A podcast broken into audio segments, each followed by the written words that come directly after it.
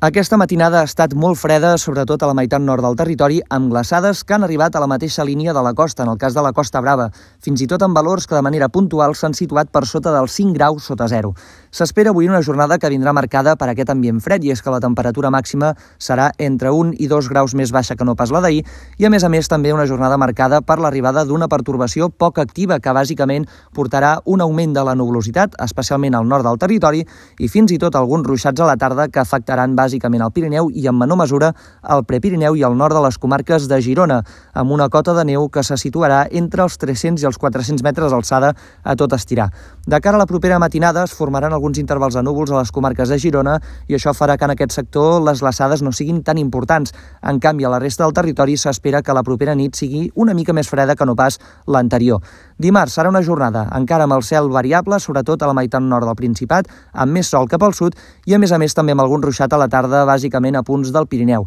A banda també hi ha la possibilitat, encara que baixa, que hi pugui haver algun ruixat feble, aïllat, bàsicament anecdòtic, a punts eh, del nord-est i especialment a la línia de la costa, si bé creiem que la majoria d'aquestes precipitacions se situaran sobre el mar. La cota de neu voltarà als 200 o 300 metres d'alçada tan sols. La matinada del dia de Reis serà la més freda de totes, amb valors per sota dels 0 graus a la majoria de comarques, i això sí, amb un dia de Reis dominat en conjunt per l'ambient assolellat. A partir de dijous sembla que podria arribar un canvi de temps, eh, bàsicament per l'acostament d'una pertorbació pel sud de la península ibèrica.